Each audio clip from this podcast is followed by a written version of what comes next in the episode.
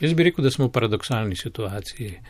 Sodstvo absolutno moralo praviti svoj del posla, namreč, če, če je objavljanje nepreverjenih dejstev o ljudeh, ki imajo do pravico do zasebnosti strašno, je lažno obtežovanje še toliko hujše.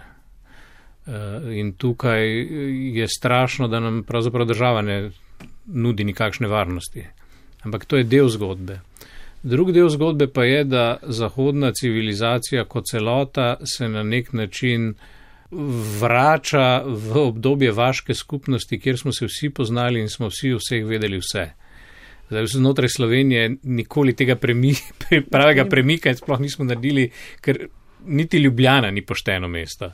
Že v Ljubljani se vsi še poznamo med seboj, ne? kaj šele kakšni drugi kraji. Ampak ideja te brezosebne, urbane družbe, v kateri imaš pravico do zasebnega življenja eh, po lastni volji, je lastna pravzaprav velikim mestom. Družbeni mediji so tu posegli v to tkivo na ta način, da so celo mesta začeli re-ruralizirati v tem mentalnem smislu. Pot nazaj. Mislim, da bomo prišli na neko čisto novo kakovostno raven. Po eni strani smo se velikega dela svoje zasebnosti odrekli sami, konec koncev vsakdo, ki nosi pameten telefon, pametno uro, kar komerli pametnega sabo, svoje podatke predaja v širši javni prostor.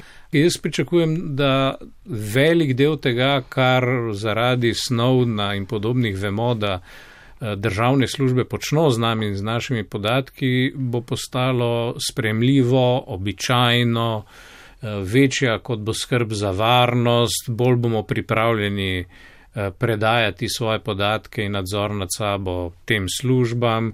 Podobno kot je bil svoj čas eh, šok, recimo, eh, zahtevati od ljudi, da začnejo nositi osebne izkaznice, kar v mnogih državah še danes ne počno, kot je bil naslednji korak šoka EMŠO, ne, ki je spet omogočil identifikacijo, kje smo, kaj počnemo. Tako bomo počasi, jaz samo čakam trenutek, začeli nositi čipe, s katerimi bomo svojo identifikacijo potrjevali v virtualnem prostoru.